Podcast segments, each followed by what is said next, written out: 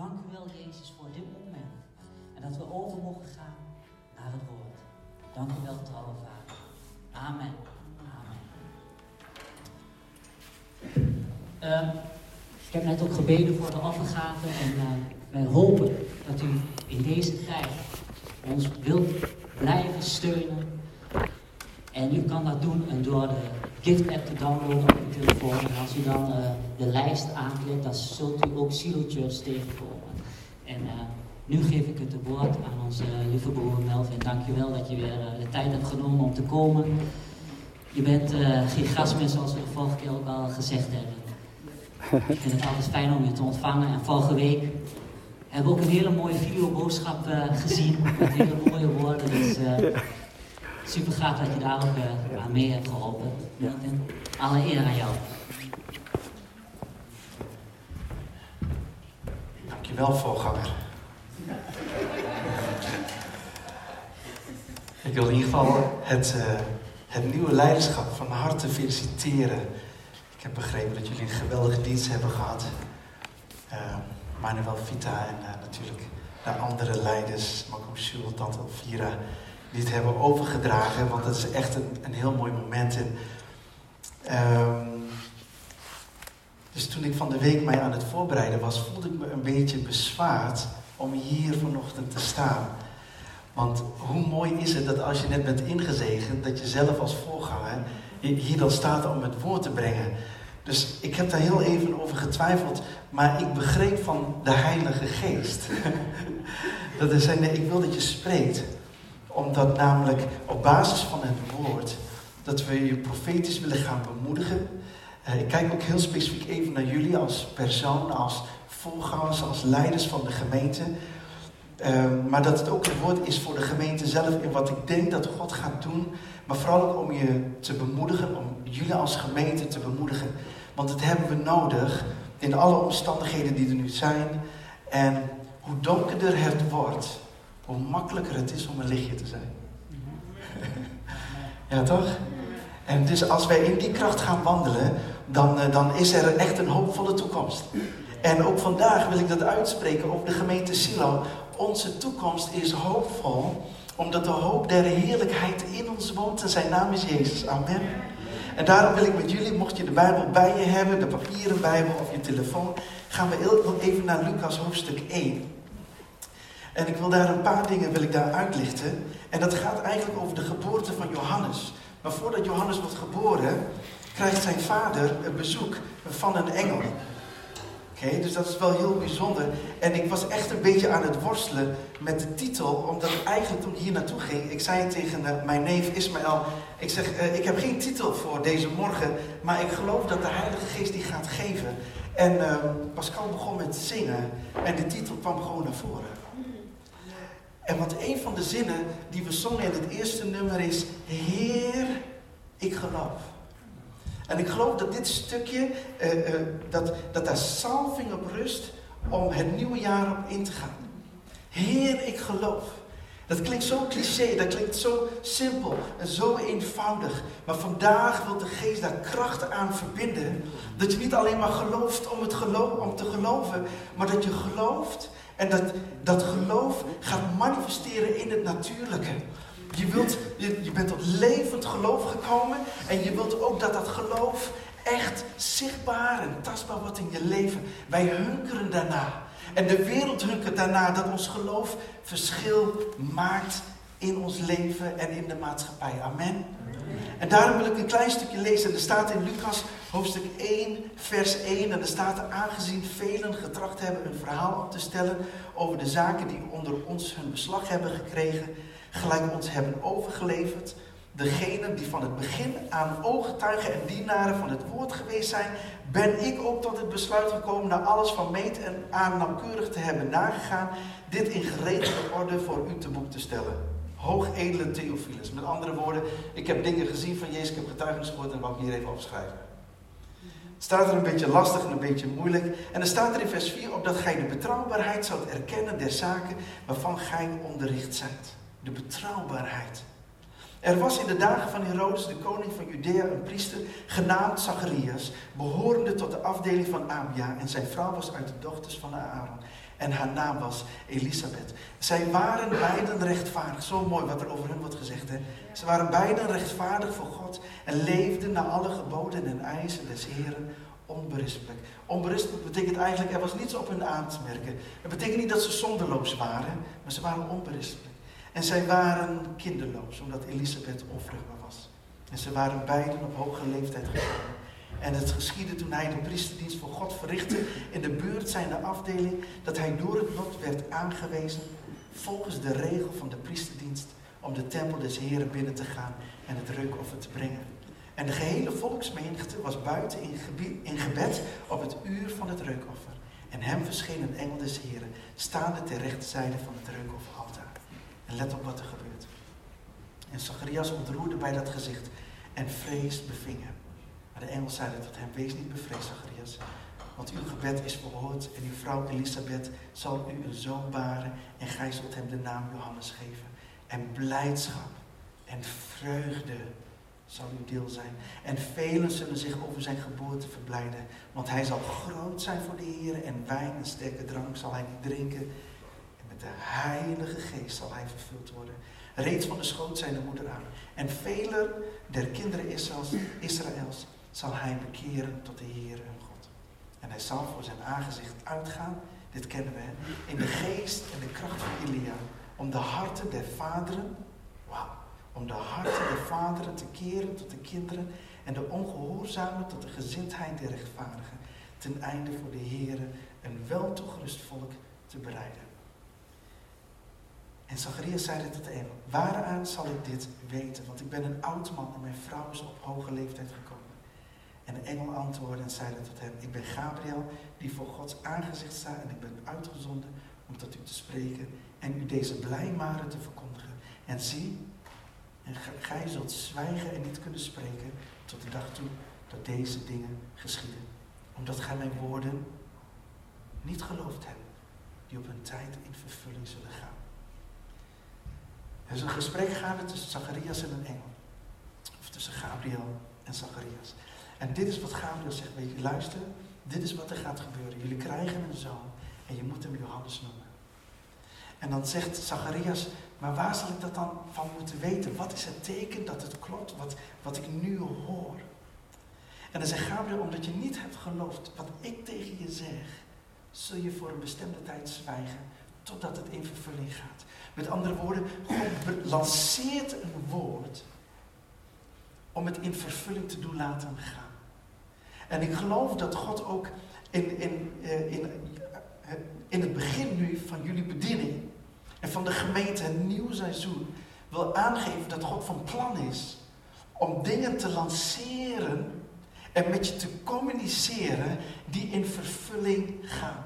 En vandaar ook gewoon dat, dat Gods geest op mij sprak, zegt de titel is Heer, ik geloof. Heer, ik geloof. Geen geloof dat, uh, dat we zelf moeten maken op basis van eigen kracht, maar geloof dat echt door het woord van God komt en begint te groeien in onze harten. En Zacharias betekent de Heere gedenkt. Zacharias betekent de Heere gedenkt. Met andere woorden, ik geloof met heel mijn hart dat jullie voorop en de gemeente daarachteraan, dat je weer opnieuw die verlangens in je hart opnieuw naar voren mag brengen. Wat je ziet en wat je droomt over de gemeente. En misschien had je dat een paar jaar geleden al. Dat, dat je denkt, oh ja, nou herinner ik mij weer hoe ik dat voor ogen zag. En, en, en dat droom ik voor deze gemeente. Dat, dat God wil zeggen, maar ik wil gedenken wat je ooit hebt gebeden. Ik wil gedenken wat, je ooit, wat ooit over jouw leven is geprofiteerd. Want, want ik wil dat activeren en ik wil het in vervulling laten gaan in je leven. En ik geloof dat God vanochtend voor ons allemaal eigenlijk tegen ons wil zeggen: Zacharias betekent de Heere gedenkt. God wil gedenken wat er in jouw hart leeft. God wil dat weer doen. Maar dat was natuurlijk eigenlijk best wel bizar. Want God sprak over iets wat Zacharias heel graag wilde. Maar zijn omstandigheden, zijn lichaam en het lichaam van zijn vrouw was niet meer goed genoeg om dat nog te kunnen realiseren. Ik geloof dat er een fase gaat komen, en misschien is die fase wel nu, dat God weer dingen in je leven begint te brengen, waarin eigenlijk in eerste instantie ongeloof tot jouw gedachten komt, in jouw verstand en in jouw wil en in jouw emotie. Maar dat God zegt, luister, ik wil er dwars doorheen breken. Want wanneer ik mijn profetisch woord lanceer, moet alles in beweging komen om dat profetisch woord te realiseren in. Dat we zeggen, Heer, ik geloof. Elisabeth betekent de Heer is mijn eed. Een eed van God, alsof God als het ware zichzelf begint te verbinden met het verlangen van Zacharias en Elisabeth. Dat God zegt, ik verbind mij met jouw verlangen. Ik geloof dat God wil zeggen dat Gods geest zich wil verbinden met de verlangens die jullie hebben voor het huis van God. Dat God zegt, ik wil er alles aan doen om jullie te helpen om te realiseren wat niet alleen in jouw hart is, maar ook in Gods hart. Wat niet alleen in jullie hart is, maar ook in Gods hart. En ik spreek wel tot hun, maar dat mag je ook voor jezelf natuurlijk toe-eigenen. Van wat is er in jouw hart? Wat is er in jouw hart? En ik geloof met heel mijn hart dat God zich veel meer wilt verbinden met jouw verlangens dan dat je denkt. Echt waar.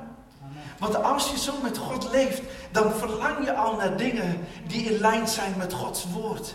Dat, ik, ik geloof dat met heel mijn hart. En soms denk ik, ja, ik weet niet zeker of, of mijn verlangen wel echt klopt en zo. Maar lieve mensen, als jij van God houdt, dan moeten wel hele gekke dingen gebeuren als dat niet in lijn is met Gods, met Gods geest. Echt waar. Anders had je hier ook niet gezeten. Of had je ook niet gekeken. Er is, er is iets wat in ons hart is. En dat is God zelf natuurlijk. Dat we dat verlangen hebben. Om ons eh, verlangen te verbinden met dat verlangen van God. En weet u wat Johannes betekent? Johannes betekent God is genadig. God is genadig. Het feit dat Johannes geboren werd, daarin kwam die genade tot, tot Zacharias en Elisabeth. Het enige wat je nodig hebt, Manuel en Vita, is de genade van God op je leven. Dat door de genade van God, dat dingen geboren worden waarvan je zegt, maar dat kan helemaal niet, Heer. Dus God komt niet alleen met zijn profetisch woord, maar God komt ook met zijn genade. Oh ja, hoe zien wij die genade dan in het woord? Zeg maar, nou, Zacharias geloofde God niet, maar God was genadig. En het woord vond wel plaats. God had ook kunnen zeggen, oké, als je niet gelooft, dan doen we het toch niet. maar God was genadig. De, de engel zegt letterlijk, omdat je niet hebt geloofd, zul je niet spreken. Maar de gelukkig zegt de engel niet, omdat je niet hebt geloofd, komt het niet uit. Come on. Dus die genade van God. Dus ik geloof dat God het profetisch woord wil lanceren in jullie levens en in jullie bediening. gepaard gaande met de genade van God. Dat als er momenten zijn dat we niet geloven, dat God zijn plan toch gaat uitvoeren. Amen. Dus die beperkingen soms in ons denken en ons beperkt beeld van God. Dat God zegt, maar ook al is jouw denken beperkt. Ik zal mijn, uh, mijn plan gaan uitvoeren in jouw leven. En dan staat er, en dan ga ik een klein beetje vanuit mijn hart vertellen. Er staat op een gegeven moment dat Zacharias door het lot werd aangewezen. Dus wat er gebeurde is, in de ochtend, dan gingen ze eigenlijk gewoon loodje trekken, om maar zo te zeggen. En dan zat wel of een bepaalde kleur of een bepaalde lengte. Dat, dat, als je dat dan trok, dan was jij degene die dat mocht doen. Nou, en een reukoffer brengen vond twee keer in het jaar plaats. Maar dan moet je één ding onthouden. Als het gaat om kansberekening. In de tijd van Jezus hadden ze ongeveer 18.000 priesters. Dus de kans was heel groot dat je je hele leven priester was geweest en dat je nooit de kans had gekregen om te offeren. Want ja, van al die 18.000 priesters, kon maar zo zijn dat je nooit aan de beurt kwam. Want het kon maar twee keer in het jaar een reukoffer brengen. Nou, als wij, en deze rekensom klopt niet helemaal, maar om je even een beeld te geven. Als jij 1 op de 18.000 kans hebt, dan was de kans dat Zacharias dit mocht doen 0,006 procent. Wat, met andere woorden, de, de kans überhaupt dat je daar mag komen. En ik wil dit zeggen.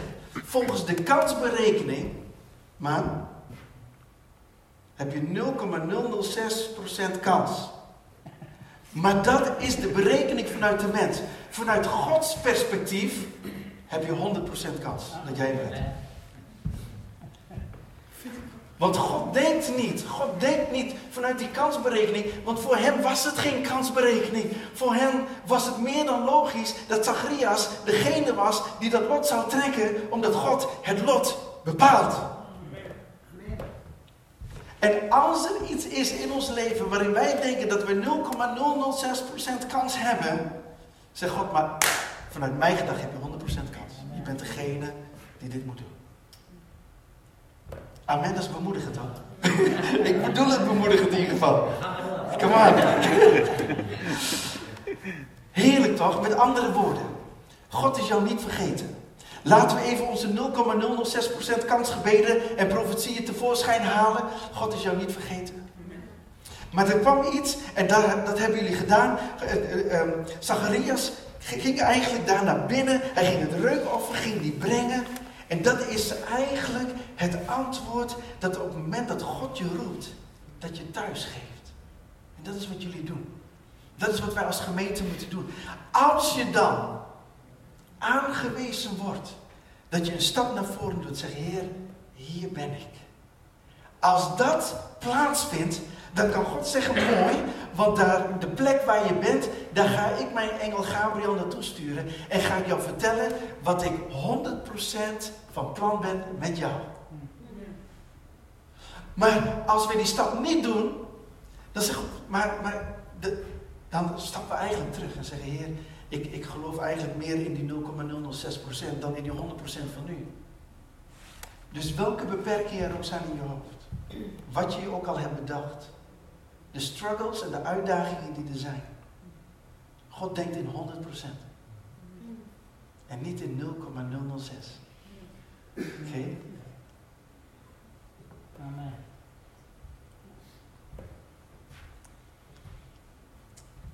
God is jou niet vergeten, ongeacht hoeveel mensen hier op aarde lopen. We zijn geroepen. Nou valt het niet alleen maar het lot, want dat was in het Oude Testament. Maar nou zijn we geroepen. Je bent bij name geroepen om te doen wat je moet doen. En dat geldt voor een ieder die nu luistert. Je bent geroepen. Het is niet meer het lot dat wordt geworpen.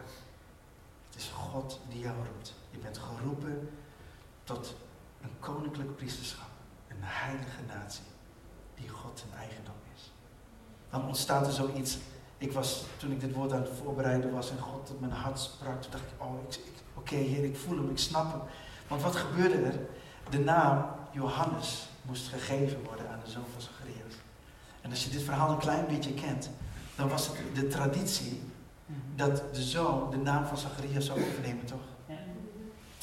Wat ik geloof is dat God in jullie bediening en in de gemeente Silo Johannes momenten gaat geven. Dat betekent dat, dat God dingen wilt geven die totaal niet in lijn zijn met de traditie.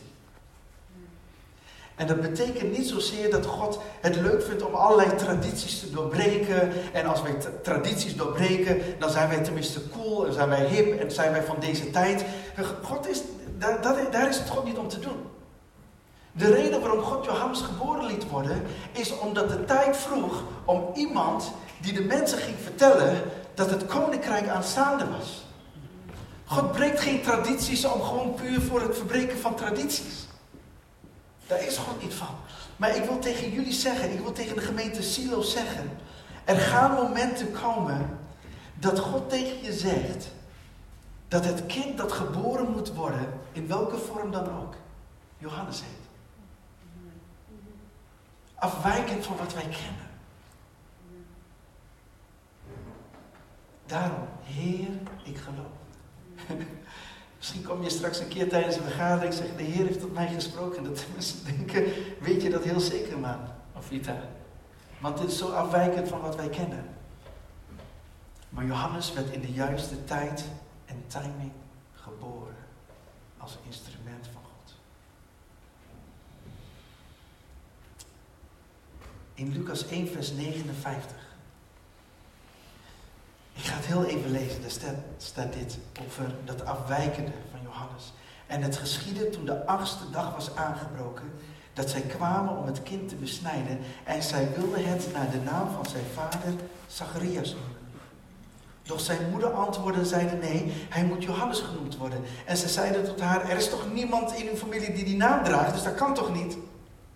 En zij beduidde zijn vader dat hij beslissen zou hoe hij het kind genoemd wilde hebben. En hij vroeg om een schrijftafeltje en schreef deze woorden. Johannes is zijn naam.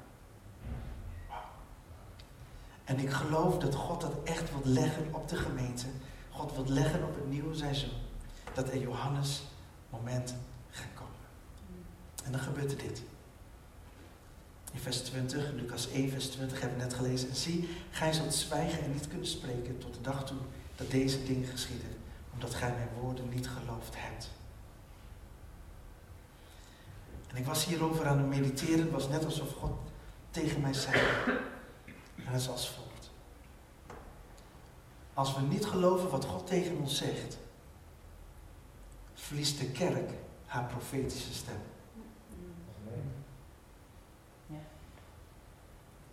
Als wij niet geloven wat God, in dit geval via een engel, tot ons zegt, dan verliezen wij onze profetische stem. En wat doet die stem dan? Die stem moet de weg banen dat er hoop is. Die stem moet de weg banen om te zeggen, er is redding. Er is een oplossing. Er is een verlosser. Zijn naam is Jezus. En we, we moeten die profetische stem moeten we gaan beschermen. En ook al moeten we het kind Johannes gaan noemen. En ook al is het afwijkend van wat we kennen. Dat we toch zeggen, oké Heer, de omstandigheden, mijn lichaam is niet perfect. Het wijkt af van wat we gewend zijn. U spreekt tot mij. En ik wil u geloven. Heer, ik geloof omdat ik de profetische stem van de gemeente niet wil verliezen. Ik wil het kunnen spreken. En ik geloof dat dat zo voor deze tijd is. Dat we weer opnieuw durven te geloven wat het woord zegt. Zodat we onze profetische stem niet verliezen. Weet u wat mooi is? Er is even een ander ding. Maar op een gegeven moment zegt de engel dit. De engel zegt, Zacharias, je gebed is verhoord. Wat ik zo mooi vind van deze engel, is dat hij het alleen maar heeft over het gebed dat is verhoord. De engel heeft het niet over of het überhaupt mogelijk is dat er een kind geboren wordt nu zij op leeftijd zijn. Daar heeft de engel het niet over. Hij zegt alleen maar je gebed is verhoord. Het is Zacharias zelf die kijkt naar natuurlijke omstandigheden, waardoor ongeloof intreden doet, waardoor hij zegt, ja, kan dit wel? Maar de engel heeft het daar niet over.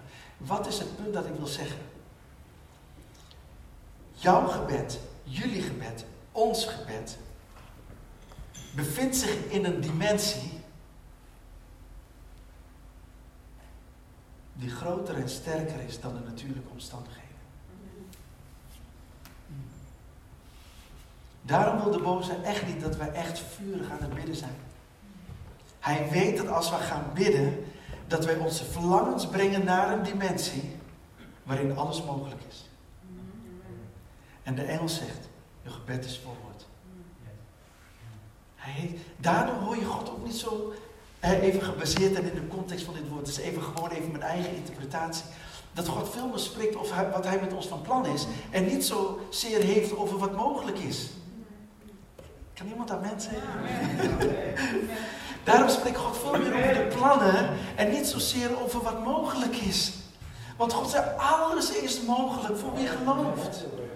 En dat wij in Christus, dat is wat het boek Efeze zegt, dat we in Hem een plek hebben in de hemelse gewesten. En dat we gezegend zijn met die geestelijke zegen. Dus God hoeft het niet zozeer te hebben over onze beperkingen. God wil het alleen maar hebben over zijn plannen.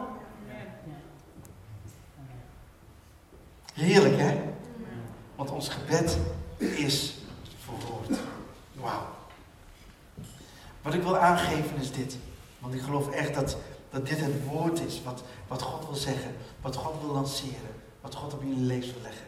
En dat is, Heer, ik geloof. Dat God wijsheid gaat geven, dat God inzicht gaat geven. En ik wil heel even met jullie eh, nog openslaan bij Lucas, hoofdstuk 1 en dan vers 80. Zeg je dat goed? Lucas 1, vers 80. Hebben we zoveel versen dan? Ja, dat hebben we. Dit gaat over Johannes, hè? Ik zou bijna willen zeggen dat in wat God net heeft gezegd, hoort dit proces erbij. Het kind nu groeide op, en werd gesterkt door, door wie? Door de geest. En hij vertoefde in de woestijnen tot op de dag dat hij zich aan Israël vertoonde. Dit is wat Gods geest echt vanochtend tegen mij zei. En ik wil het echt even benadrukken. Naar jullie als leiders, naar jullie als nieuw leiderschap, maar ook naar jullie als gemeente en naar jullie als individu. Het is geweldig om in de nieuwe dingen van God te mogen wandelen. Het is geweldig als God een engel stuurt en God spreekt door de engel en spreekt profetisch in wat God van plan is. Maar wat ik zie is als Johannes wordt geboren, en Johannes is even, laten we hem even zien als de belofte of de manifestatie van wat God op je leven heeft gelegd. Zie je dat na zijn geboorte, zie je een proces in zijn leven. En zijn proces is dat hij opgroeide en werd gesterkt door de geest. Hij vertoefde in de woestijnen. Dus aan de ene kant heb je een heel romantisch beeld dat zegt, God heeft tot mij gesproken door een engel. Ik heb zijn stem gehoord en ik weet zeker, ook al doorbreekt de tradities, God gaat dit doen en van alles is mogelijk. En zelfs door de barrières van mijn lichaam, daar breekt God de grond doorheen. En God zorgt er gewoon voor dat Elisabeth zwanger is en Johannes wordt geboren. En op dat moment kan Zacharias weer praten en hij begint te profiteren en begint God te loven. En daarna krijg je een proces. En dat proces groeit op in de woestijn. Dat proces moet sterk worden door de geest en niet alleen maar door droge logos. Het moet niet per definitie gesterkt worden door informatie. Het moet niet per definitie gesterkt worden door wetenschappelijke onderbouwing. Want even heel plat gezegd, als ik dat zo mag zeggen, daar gaat het kind dood van. Zeg ik dat goed zo? Dat je hem voelt? Want dit is wat God zegt in Matthäus, of dit is wat Jezus zegt. Want van brood alleen zult gij niet leven. Maar van elk woord dat uit de mond Gods uitgaat. En als je het woord woord gaat opzoeken in Matthäus 4, dan zul je zien dat dat woord is rema. Dus eigenlijk zegt, zegt Jezus dit. Ik zal niet alleen maar van brood leven, maar ik leef van elke openbaring die God, die, mij, die God aan mij geeft. Ik leef van elke rema die God aan mij geeft. De Bijbel zegt dat Johannes door de geest gesterkt werd. Met andere woorden, dit is even mijn beeld. Hè? Ik zeg niet dat dit een dogma of wat dan ook is. Dit is mijn beeld. Dat, dat Johannes werd opgegroeid in een soort rema-bubbel met God. En dat God als het ware hem bracht naar de woestijn. Dus in het natuurlijke was het droog, maar in zijn geest was hij constant in die openbaring die de geest hem gaf. En de geest maakte hem sterk. Het woord sterk maken is hetzelfde woord wat Paulus zegt. Dat hij uh, bidt voor de gemeente dat onze inwendige geest gesterkt wordt. Dat betekent dat het wordt geboren vanuit Gods geest en het wordt sterk gemaakt door Gods geest. Hij is vervuld met Gods geest. Hij gaat in de kracht van Gods geest. Alles is vanuit Gods geest. Dus de geboorte is al bijzonder. Maar don't forget the process. Maar God houdt je alleen maar daar voor een bestemde tijd. Omdat God uiteindelijk dit zegt. Tot op de dag dat hij zich aan Israël vertoonde. Er komt een moment dat geopenbaard wordt waarvoor God je heeft geroepen. Voor Manuel en Vita als voorgangers van de gemeente en de nieuwe leiders. Maar lieve mensen, dat geldt niet alleen voor hen. Dat geldt voor jou, voor u en geldt ook voor mij. En ik wil iedereen bemoedigen die op dit moment in de woestijn zit. Want dan ben je op de beste plek. Want je kan namelijk in een hele bruisende gemeente zitten, terwijl je zelf in je hart in een woestijn zit. Maar ik wil gewoon tegen je zeggen, weet je, om daar geen afkeer van te hebben. En hierdoor bemoedigd te worden. En dat je zegt, Heilige Geest, sterk mij. Want de geboorte van een kind is niet genoeg. Wij willen dat het kind sterk en gezond. Amen. Waar ik mee wil eindigen is dit. Ik heb begrepen, althans de theologen zeggen, dat als de priesters het lot trokken, dat zij helemaal een bepaalde orde had, wie wanneer moest trekken. Dus er was een compleet plan, die hadden zij gemaakt. Het punt dat ik wil maken, is dat zelfs door plannen heen die mensen hebben gemaakt en van tevoren helemaal hebben geordend, dat God altijd een moment weet om zo in te tappen in dat plan, waardoor zijn plan alsnog wordt gevoerd. Dat is zo bijzonder aan God. En de reden waarom ik dit wil zeggen en ook mee wil eindigen. Ik wil tegen ieder die meekijkt en meeluistert, tegen jullie die hier zitten. Raak alsjeblieft niet geïntimideerd door de plannen van jezelf en van mensen. Als je zelf weet dat jouw hart gericht is op God. Don't worry. Echt niet. Want God gaat dat plan gebruiken. En God weet wanneer hij moet intappen. Ik, ik vind dat God soms in zijn timing niet altijd heel erg goed is. Ik vind hem niet heel erg goed in zijn timing. maar dat is vanuit mijn perspectief. Dat is vanuit de 0,006% perspectief. Nou, 6 is ook een getal dat staat voor de mensen. Ze komt precies goed uit. Maar dat is vanuit menselijk perspectief dat ik denk, Heer, als u nog iets wil doen, dan heeft u nu nog 0,006%. Want dat moet echt nu gebeuren. Want als u deze week niet doet, bent u te laat. Dat was bij Lazarus ook. Bij Lazarus zijn ze ook tegen Jezus, u bent te laat. Hij is al dood. Ik zou dus ook tegen degene willen zeggen, daar waar het al gestorven is, don't worry. Want dit is het antwoord van Jezus. Ik ben het leven en de opstanding. Lazarus, kom naar buiten. En dat is wat ik je wil meegeven, Manuel, Vita, gemeente Silo Church. Heer, ik geloof. Ik geloof. En als mijn geloof tekort komen, dan betekent Johannes, God is genadig. Maar zijn plan wordt volvoerd. En die komt uit. Amen. Amen. Stef, wil je me even helpen op de gitaar? Zullen we samen gaan staan. Als je thuis bent, ik weet niet of je de mogelijkheid hebt om met ons te gaan staan. Uh, ga dan samen met ons staan. Om gewoon even een moment te hebben.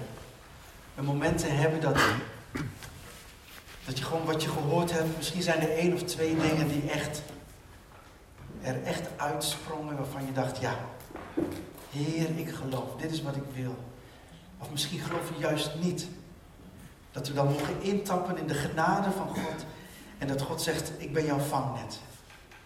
Want mijn plan met jou, ik wil dat net zo graag als jij. Want Elisabeth kreeg een zoon. En God kreeg een profeet. En God kreeg een evangelist. En God kreeg iemand die de weg voor hem zou bereiden. Voor zijn zoon Jezus, de Christus. Wat mag er vandaag in jouw hart geboren worden? Waar zou de hemel feest van gaan vieren als jij zegt: Heer, laat het maar geboren worden in mijn leven? Wat zou dat zijn? En denk niet in, mogelijk, eh, eh, in onmogelijkheden, maar denk in die mogelijkheden van God. Zelfs als je denkt: Goh, ja, dat kan toch niet, want ik ben beperkt. Hey. Ons gebed beweegt zich in een dimensie die geen rekening hoeft te houden met natuurlijke omstandigheden. Daar zijn wij. Wat mag dat zijn? En wat het ook is. Ik ga meteen voor in gebed. En doe ik eigenlijk een uitnodiging gewoon op de plek waar je bent. Om in je hart een stap naar voren te doen. En te zeggen, Heer, ik geloof.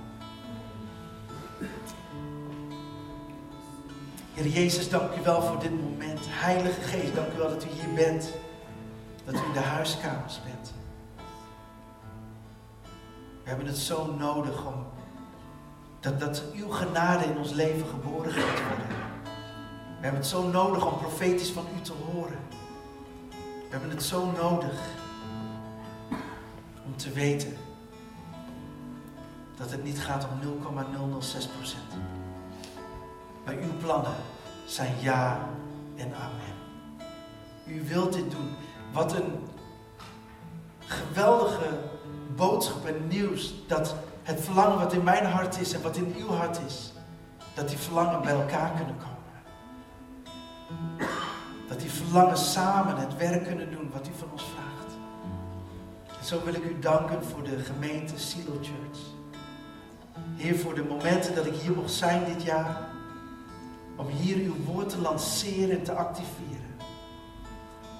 Maar u lanceert uw woord niet puur om de zondag te vullen. Maar u wilt in vervulling laten komen wat u heeft gesproken. En dank u wel dat we hier een gemeente hebben die zeggen, ja Heer, kom maar, spreek maar, vul ons maar.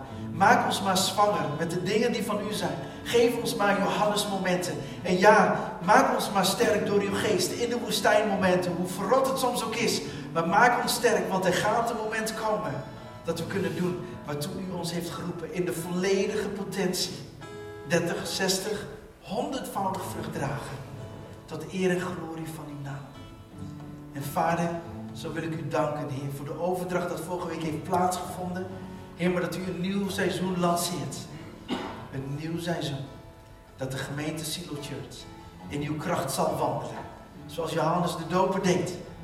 Dat ze mogen wandelen in de kracht van uw geest, van uw Heilige Geest. Daarom wil ik u danken, Heer, voor u. U kent de harten op dit moment. U ziet de harten die open zijn. En Heer, wilt u daar dat werk gaan doen. Tot eer en glorie van de naam van Jezus. Daarom, Silo Church, ik zegen jullie in Jezus' naam alleen.